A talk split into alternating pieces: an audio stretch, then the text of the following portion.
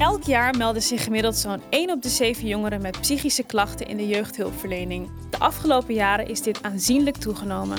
In deze podcast ga ik, Malet Musfen, psycholoog, in gesprek met collega's en andere zorgprofessionals. We nemen jou mee in onze gesprekken over de verschillende facetten binnen de jeugd- en gezinshulpverlening. We gaan het hebben over hoe de levensloop van een ouder invloed kan hebben op dat van een kind, hoe dat zich kan uiten en waarom het maken van verbinding belangrijk is voor de relatie tussen hulpverlener, jongeren en ouders. Welkom bij de podcast Generatie Veerkracht, waarin wij de luisteraar graag meenemen in een breder perspectief op jeugd- en gezinshulp.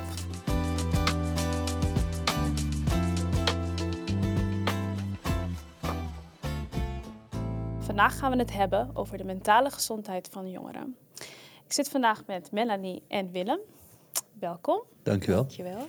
Leuk dat jullie er zijn. Uh, misschien kunnen we beginnen met uh, een voorstelrondje. Ja. Willem, wil jij beginnen? Ja. Mijn naam is Willem Muizelaar. Uh, ik werk als ambulant hulpverlener bij Altra van iHub. En ik werk nu zo'n bijna 12,5 jaar in de jeugdhulpverlening. Waarvan 7 jaar in Amsterdam Zuidoost. Met plezier nog steeds? Met heel veel plezier. Ik ben Melanie de Fonseca en ik ben ook ambulant hulpverlener voor Altra, onderdeel van iHub. En ik werk ook in de regio uh, Zuidoost op uh, verschillende middelbare scholen daar. Ook met heel veel plezier. Ik heb zelf heel veel affiniteit met dit onderwerp. Uh, ik werk zelf in het speciaal voortgezet onderwijs. Dus ik heb ook te maken met veel jongeren, met pubers. Vind ja. ik zelf de meest interessante levensfase. Ik weet niet hoe dat voor jullie is. Maar ik denk dat in de puberteit heel veel gebeurt. Zeker. Absoluut. Toch? Zeker. Vind ik zelf heel leuk. Maar goed, we gaan het dus hebben over de mentale gezondheid van de jeugd. Uh, en daar gaat het niet zo goed mee. Zeggen ze. Zeggen ze. Zeggen ze. ja, wat ik vooral nu zie, um, eigenlijk zeg ik, je hebt voor corona en je hebt na coronatijd. En wat mij opvalt, uh, dat zal dan de laatste anderhalf, twee jaar ongeveer zijn, is dat ik uh, jongeren vrij passief vind. Mm-hmm. Weinig ondernemend. Uh, missen ook bepaalde vaardigheden uh, echt om uh, ja, voor zichzelf op een positieve manier op te komen.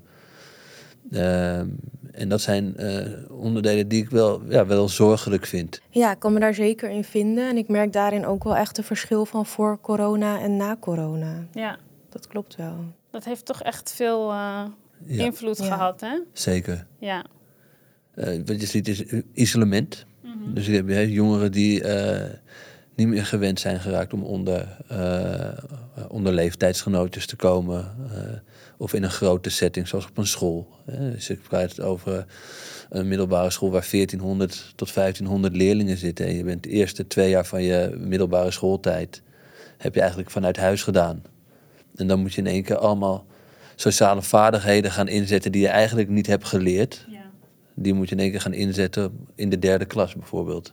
Ja, dat, daar vraag je gewoon heel veel van ja. jongeren. Plus dat ze ook nog vaak toch achterstand hebben op didactisch gebied. Dus daar moeten ze ook weer in inhaalslag slaan. Dus we hebben op allemaal verschillende gebieden van het leven uh, waar, ze, waar, ze hard, waar we heel veel van, van de jongeren verwachten. Ja. Maar die ze niet zijn aangeleerd. Ja. En hoe merken jullie dat dan in het, in het werk? Um, nou ja, ik merk dat um, er meer hulpvragen binnenkomen. En dat er ook vaker wordt gevraagd: um, ja, uh, kan je mijn uh, kind ook helpen, bijvoorbeeld aan een baantje? Of kan je zorgen dat die wat meer van zijn kamer afkomt? Um, dat ze veel meer op hun kamer zitten, nog meer gekluisterd aan hun uh, mobiele telefoons. Ja, dat, dat is wat ik ja. onder andere heel veel zie. En ook mentaal inderdaad. Mm -hmm. dat, dat ze zelf ook meer tegen dingen aanlopen mentaal. Ja. Dus qua zelfvertrouwen, hoe ze zich voelen. Ja. En kunnen jongeren dat dan ook zelf zo benoemen, dat het echt door corona komt? Of in ieder geval dat dat er iets mee te maken heeft? Of is dat iets wat wij dan zien? Nee, als je in een gezin gaat starten, maak je ook vaak een tijdlijn. Mm-hmm. Met uh, ouders bijvoorbeeld, of met uh, het kind zelf.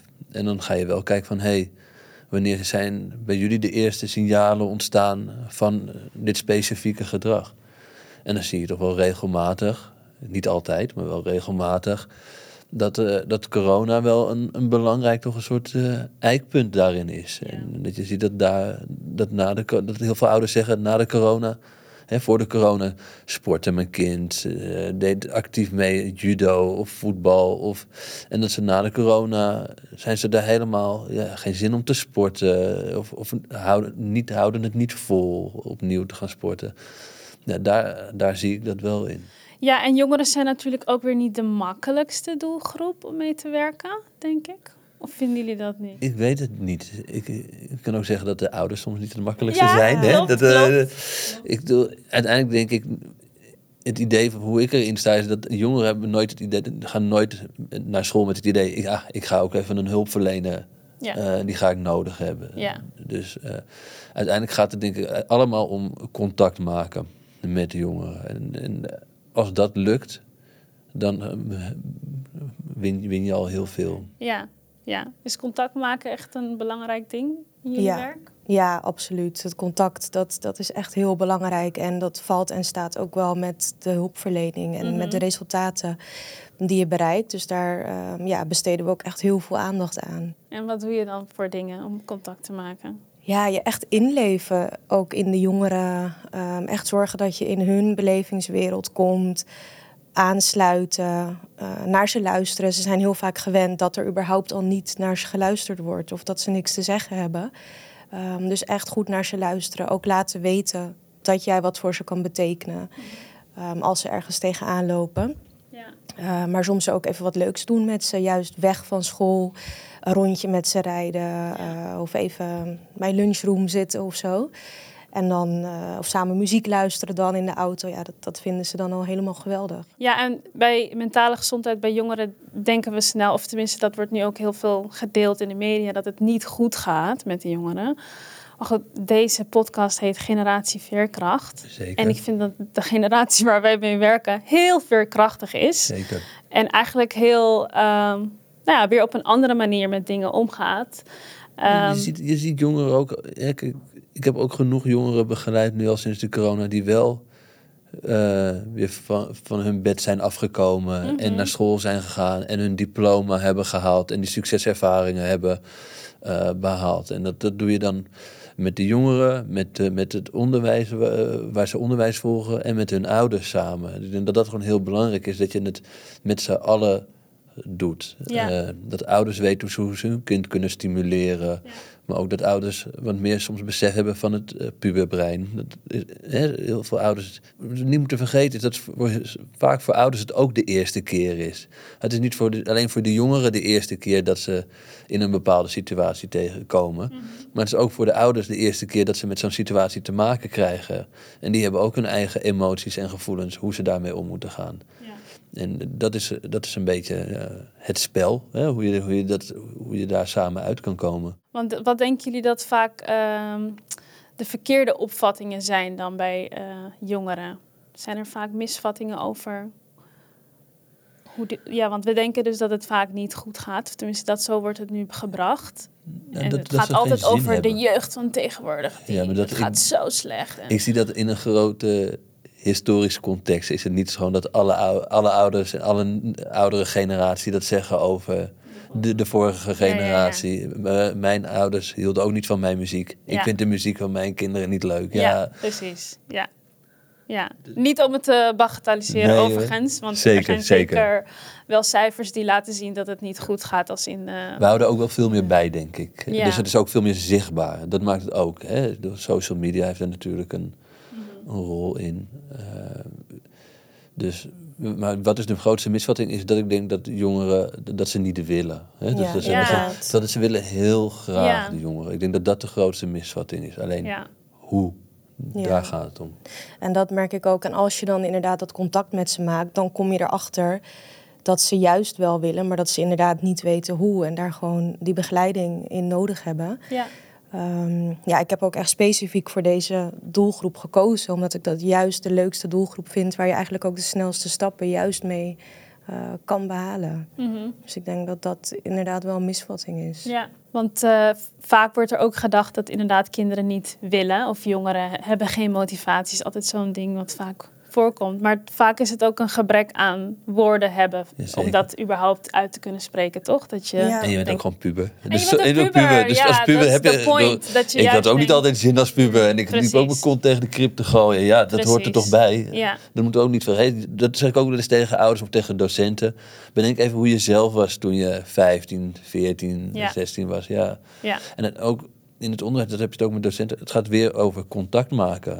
Ik bedoel, als je met docenten, dus, het is nooit dat één jongere bij bijvoorbeeld bij alle docenten het slecht doet. Er zijn ook altijd wel een paar docenten waar die, die dus wel voor elkaar krijgen om iemand mee te krijgen. Mhm. Daar moet je dus naar kijken van, hé, hey, hoe lukt dat? Ja. En ook bij de, bij, je kijkt dat ook in de familie, hè? met welke, misschien ben je niet zo goed met je moeder op dit moment, maar misschien heb je wel die ene oom in de familie waar je elk weekend naartoe gaat. Nou ja, betrek die erbij. Ja, en daarnaast zie je ook heel veel jongeren die uh, heel goed weten wat ze willen. En um, die echt al een soort uh, ja, droom voor ogen hebben. Heel veel talent.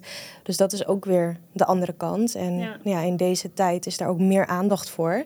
En kan je ook makkelijker dingen uh, opzetten. Of, of, mhm. jongeren die al een, een, bepaald bedrijfje willen. Of, dus ja. dat is ook heel leuk. Ja, het, inderdaad, wat je net zei, de vaardigheden, daar gaat het om. Hè? Ja.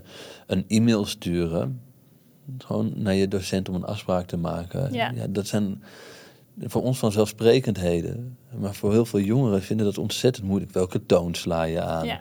Hoe begin je een brief? Dus daar, dat, met dat soort vaardigheden, daarmee ondersteunen, kan je jongeren ook al ontzettend helpen. Ja, en we hadden het over dat contact maken echt misschien wat het belangrijkste is in het werk. Heb je een voorbeeld misschien van waarin dat heel erg gelukt is om dat te doen? Um, ja, ja, genoeg. Dat, dat is de basis. Dus daar, ja, daar begin je mee. En, en pas als dat echt op gang is, dan ga je eigenlijk uh, werken aan de doelen. Mm -hmm. Maar het is ook heel ja. moeilijk om dat te peilen, toch? Want jij, denk ik, als hulpverlener weet je, nou, ik ga contact maken. Mm -hmm. Maar het zijn vaak ook momenten waarin je echt voelt van, nu ben ik binnen, toch? Dat je echt voelt bij je cliënt van, oké. Okay. Ja, soms kan het wat langer duren. En dan heb je inderdaad op een gegeven moment heb je dat moment van oké, nu ben ik binnen. Over het algemeen gaat het bij mij altijd wel heel snel en heel natuurlijk dat contact maken. En heb ik daar um, ja, dus niet zo moeite mee. Maar ik heb wel laatst heb ik, uh, een casus gehad. En bij die jongen heeft het uh, ja, voor het eerst echt wel, ja, ik denk wel een half jaar geduurd voordat we dat contact hadden. En dat had ermee te maken dat hij al heel veel verschillende hulpverleners heeft gehad. Dus dat hij ja, er eigenlijk niet echt meer vertrouwen in had en gewoon geen zin in had, wat ook begrijpelijk is. Um, dus daarin heb ik echt moeten investeren en uh, gewoon aanwezig blijven zijn, blijven proberen. En nu na een half jaar zegt hij ja, ik wil geen andere, andere hulpverlener. Ik wil nu echt dat jij me uh, blijft ja. begeleiden. En dat was echt het moment dat je dan echt voelt van... oh, het is nu eindelijk gelukt. Want eerst wilde hij niks. En nu zegt hij, ja, ik wil niemand anders meer. Dus ja, uh, ja dat was wel dat moment. Wat ik ook altijd een belangrijke uh, peiling vind... is hoe snel reageren jongens op appies. Ja. Hè, dat vind ik ook altijd wel Klopt. van, ik app ja, Mooi, ja. Blijf ik heel lang in de, in de wacht staan? Moet ik ja. dan meerdere keren appen? Of heb ik jongeren die appen ze meteen terug? Daar, daar zie je ook vaak wel in van, oh, ik begin wel in de, in de, in de ja. ik heb wel de goede snaar ja. te pakken. Ja, ja. ja, en ook of ze uit zichzelf appen. Dus dat het ook niet vanuit jou hoeft te komen, maar dat ze echt naar je toe komen met vragen.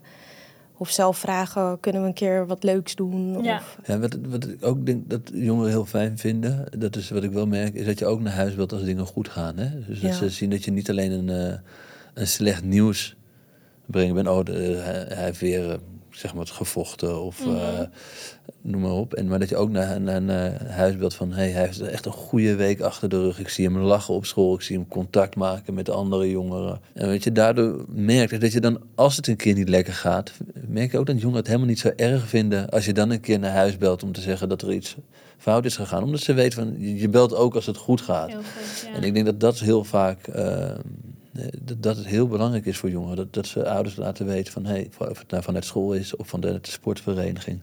Bel eens naar de ouders, ook als het goed gaat. Daar win je echt wat mee. En ook niet alleen voor de jongen zelf, maar ook voor de ouders zelf. Hoe, hoeveel ouders ik heb gehad die als, als je belt al meteen in een soort stressmodus ja. staan. Van, oh, ja, dit gaat slecht zijn. Ja. ja. Zodat je gewoon belt van, Nee, ik bel gewoon even op om te zeggen, kijk hoe het gaat en ja. uh, gewoon een praatje maken. Dat, dat helpt heel erg. Ook voor het contact maken dus met de jongeren, dat ze dat zien. Zeker. En ook meegaan naar gesprekken, bepaalde afspraken ja. die ze hebben. ehm, die ze misschien spannend vinden. Uh, dat helpt ook heel erg om echt dat vertrouwen op te bouwen. Mhm. Ja, en inderdaad naar huis bellen, ook als dingen goed gaan. Maar ook dat je kan aangeven van... hé, hey, mocht je ergens tegenaan lopen... of stel je staat onterecht absent... Mhm. Ehm, laat het me even weten. Dan, uh, dan zal ik ook even mailen naar die docent. Daardoor voelen ze wel van oké, je bent er echt voor me. En welke dingen waren jullie dan als moeilijkheden? Ja, wat ik soms wel lastig kan vinden is... ehm, om uh, soms docenten mee te Oh ja. krijgen. Ja. Omdat zij dan bijvoorbeeld nog of gewend zijn aan het oude patroon van een leerling bijvoorbeeld. Ehm, of nou ja, de andere leerlingen zeg maar, die op school zitten. Ehm, en dat dan zo'n jongen bijvoorbeeld over de gang loopt... en dat die gelijk op een negatieve manier wordt aangesproken... terwijl die dan bijvoorbeeld gewoon een tussenuur heeft. En ehm, dat is natuurlijk ook een lastig speelveld voor de docenten... want zij zitten daar natuurlijk ook dagelijks in. Maar daar kan ik eh, soms wel tegen aanlopen dat ik denk van... oh, zie het nou, want Ja. het gaat hartstikke goed. En dat heeft die jongeren dan ook nodig. Dat dat door iedereen ook wordt gezien. Want daar groeien ze ook zo van. Want wat kan je dan doen in zo'n moment? Ja, ik hoor het dan meestal achteraf. Ik ben er dan niet altijd bij. Ehm, maar dan ga ik daar wel over in gesprek. Dan eh, ja, laat Ja. ik dat wel weten. En ook om dat te voorkomen, ja, laat ik het vaak ook al vooraf weten aan een docent. Van hé, hey, we zijn hier en hier mee bezig. Eh, of ik heb hem nu deze opdracht meegegeven. Dus let daarop. En als hij dat doet, geef dan even ook een compliment. Dat Ja, het wel ja. gezien wordt. Ja, en ik denk bij docenten, ik, ga ook wel regelmatig mee aan een soort mediation gesprekken.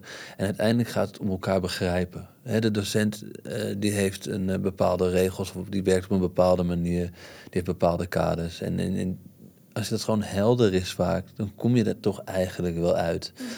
Ehm, ik had als voorbeeld een jongen die begeleidde, die had een nieuwe docent. En die was gewoon, eh, die was gewoon een keer aangesproken van... eh, let even op. En die had meteen het gevoel van, oh, je moet ze mij weer hebben. Dus je moet ook jongeren daarin coachen. Dat ze oppassen met alles negatief meteen eh, op, op een andere project. Je hebt weer zo eentje die alleen maar op mij let. Terwijl dat, daar was nog helemaal geen sprake van. En daar help je jongeren ook bij. Hè? Van, hey, is nou wat je denkt, is dat echt zo? Of bedenk je dat gewoon vanuit je ervaring die je hebt gehad in voorgaande jaren of met voorgaande docenten, dat je nu op die manier al meteen je hak in het zand zet, bijvoorbeeld. En ik denk dat je daar heel erg een helpende rol in hebt als hulpverlener om juist die gedachten, die honderden gedachten die maar door die kopjes gaan van al die jongeren, om daarin te helpen van hé, hey, wat is echt? Wat, eh, wat is niet echt? Wat, wat verbeeld ik me misschien? En ik denk dat, dat dat is heel interessant natuurlijk om met jongeren op ontdekkingstocht te gaan. Ja, klopt. Want dat werkt inderdaad beide kanten op. Ja. Ik heb het ook wel eens dat ik dan een leerling voor het eerst ophaal uit de klas. En dan is ook de eerste reactie van, eh, wat heb ik gedaan? Wat heb ik nu weer gedaan? Ja. En dan kalmeer je ze ook gelijk van, nee, nee, nee, ik heb helemaal niks gedaan.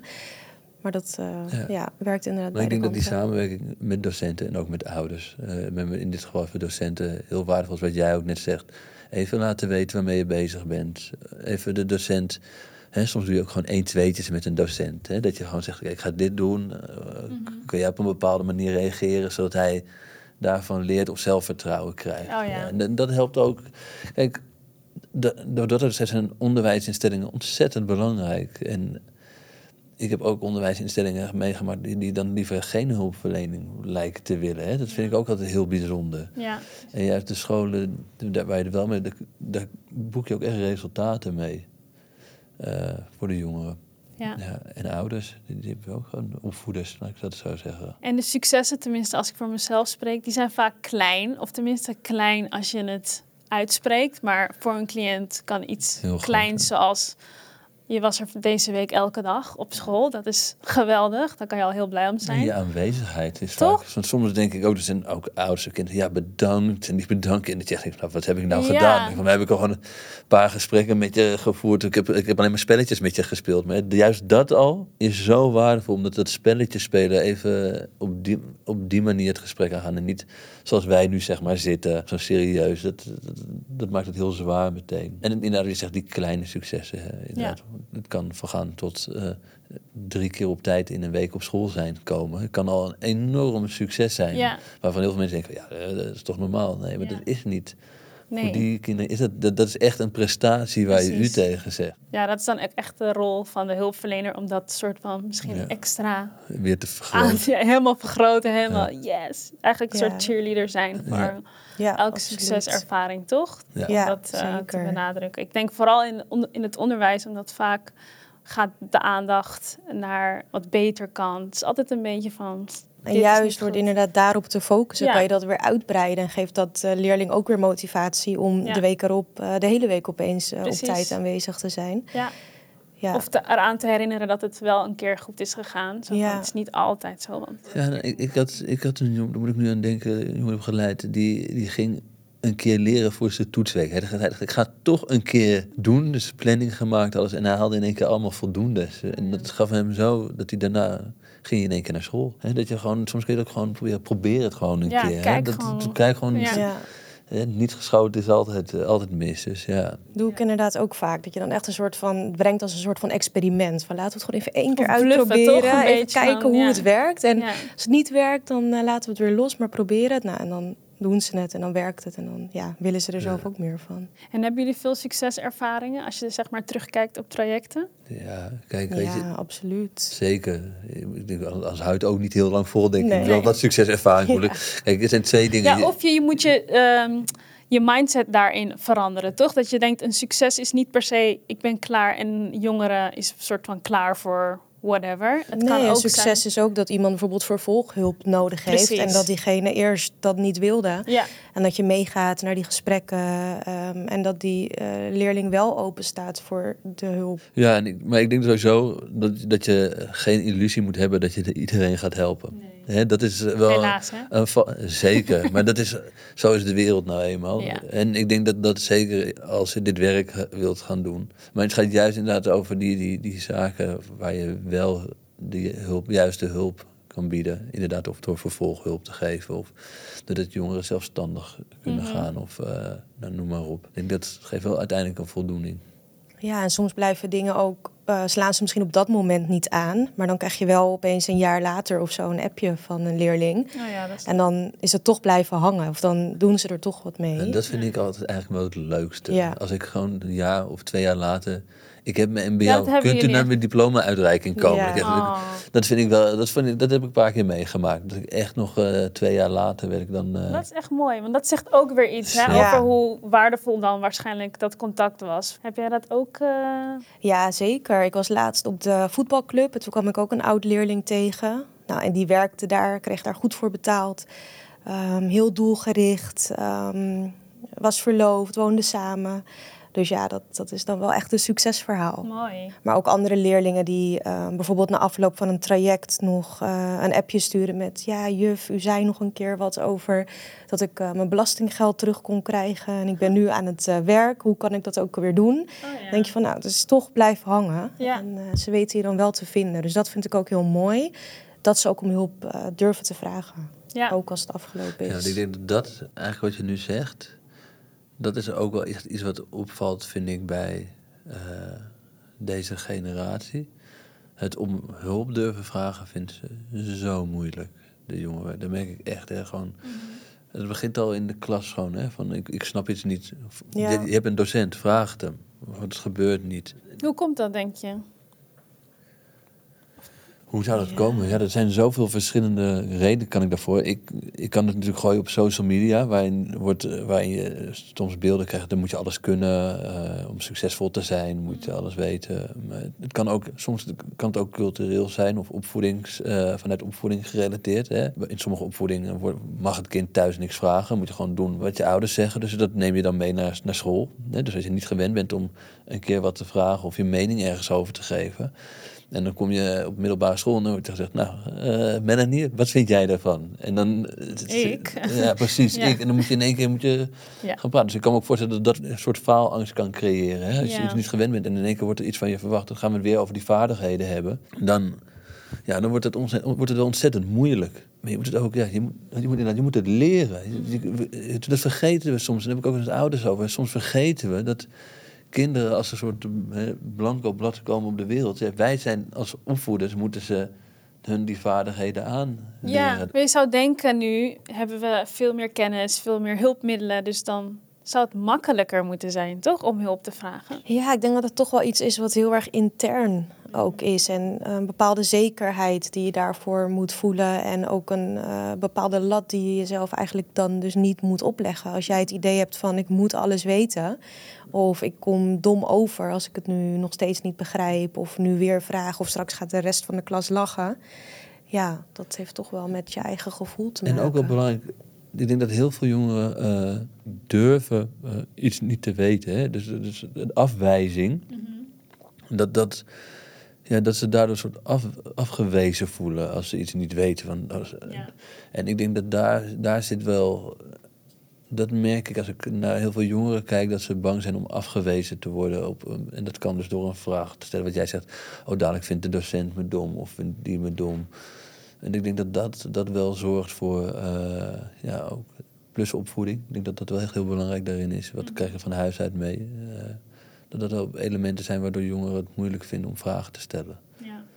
En je hebt Google, hè? We kijken gewoon op Google, dus dan lijkt het alsof ik geen vraag stel. Ik google het wel eventjes. Ja, ja en ook bijvoorbeeld bij presentaties, dat, dat zijn ook dingen die, uh, die ze ook heel spannend kunnen vinden. En wat ook logisch is, wat ze ook uh, moeten leren. Dus daar komen ook uh, vragen over. Uiteindelijk moet je ook jongeren, dat, dat begint al bij kleins af aan, is mijn idee. Je moet je wel stimuleren om vragen te stellen. Dat is wel gewoon over de wereld om je heen. Laat een kind op ontdekkingstocht gaan. Want dat is wat een kind doet als hij klein is. Ja. Hij kruipt over de grond om eigenlijk uh, te inspecteren... hey, wat voor beestjes zie ik daar nou? Ik vind de jeugd van tegenwoordig wel kritischer. Maar ik ben heel erg benieuwd of jullie dat ook vinden. Um, ik, ik, vind ze helemaal niet ik kritisch. Ik vind ze kritisch hoor. Ik vind ze wel uh, echt dingen benoemen dat ik denk... oh ja, ik vind het goed dat je dat zegt. Ja. Er zijn natuurlijk ja. woorden voor heel veel problemen. Ik denk dat de jeugd heel erg maatschappelijk bewust is. Dus veel meer weet over wat er speelt in de wereld. Ik denk ik, dat er andere gesprekken zijn tegenwoordig. Ja, ik herken wel deels wat je zegt. Er verschilt ook wel weer, nou ja, per leerling of per school Tuurlijk. waar ik dan weer werk. Maar um, ik, ik merk het ook wel. Dat ja, ze toch? meer vragen stellen. Uh, soms inderdaad net wat kritischer kunnen zijn. Mm -hmm.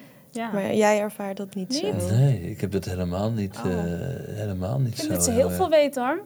TikTok deelt ook veel over ja, ik, ik merk wel onderwerp en dat dan... uh, ja, dat, weet, dat soms lastig is. Maar de... ik vind wel dat je heel goed in de gaten moet houden. Waar, wat is, ik probeer altijd wel te kijken dan als ze zeggen, waar heb je dat vandaan? En, ja, en, TikTok. En, ja, en wie is de bron van TikTok? ja. ik, ik, ik, ik, ben daar wel juist een beetje tuurlijk. heel voorzichtig mee. Ja.